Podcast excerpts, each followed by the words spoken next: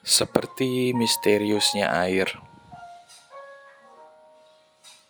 hati hamba ingin bersabda, namun tak kuasa. Hati hamba ingin merona, tapi tak ada daya. Air adalah salah satu hal yang paling memberikan kita petunjuk, teman-teman. Tapi kita sebagai manusia selalu lupa bahwa dalam air, teman-teman, dengan melihat air, kita bisa menyadari bahwa kemampuan kita memahami alam ini terbatas. Tahu dari mana saya? Banyak orang bisa menciptakan komputer canggih. Banyak orang bisa menciptakan kendaraan super keren, handphone super canggih.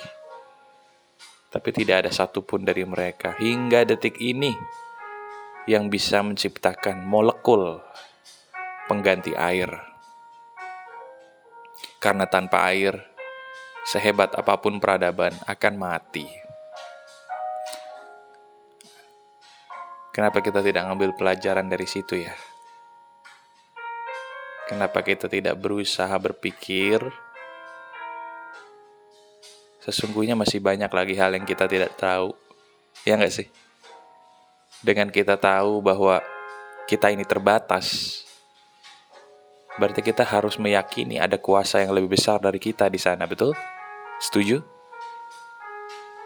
Kalau ada kuasa yang lebih besar dari kita, berarti kita ngapain menguasai hidup kita sendiri sepenuhnya. Betul nggak? Kenapa kita tidak memberikan sedikit ruang? Sedikit aja.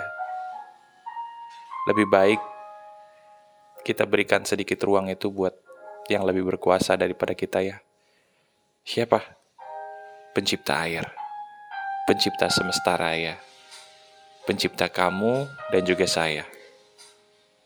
Pencipta kita berdua kita capek, kita lelah menjadi orang yang memecahkan semuanya sendiri ya.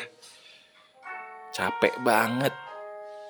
Udah deh, selalu ingat air, selalu jadikan air sebagai bahan perenungan bahwa, ya, materi yang kamu dengar di mana pun kamu mendengarkan suara singkat saya ini, ingat ini, ingat air, dan ingat kuasa Tuhan. Kamu tidak sendiri.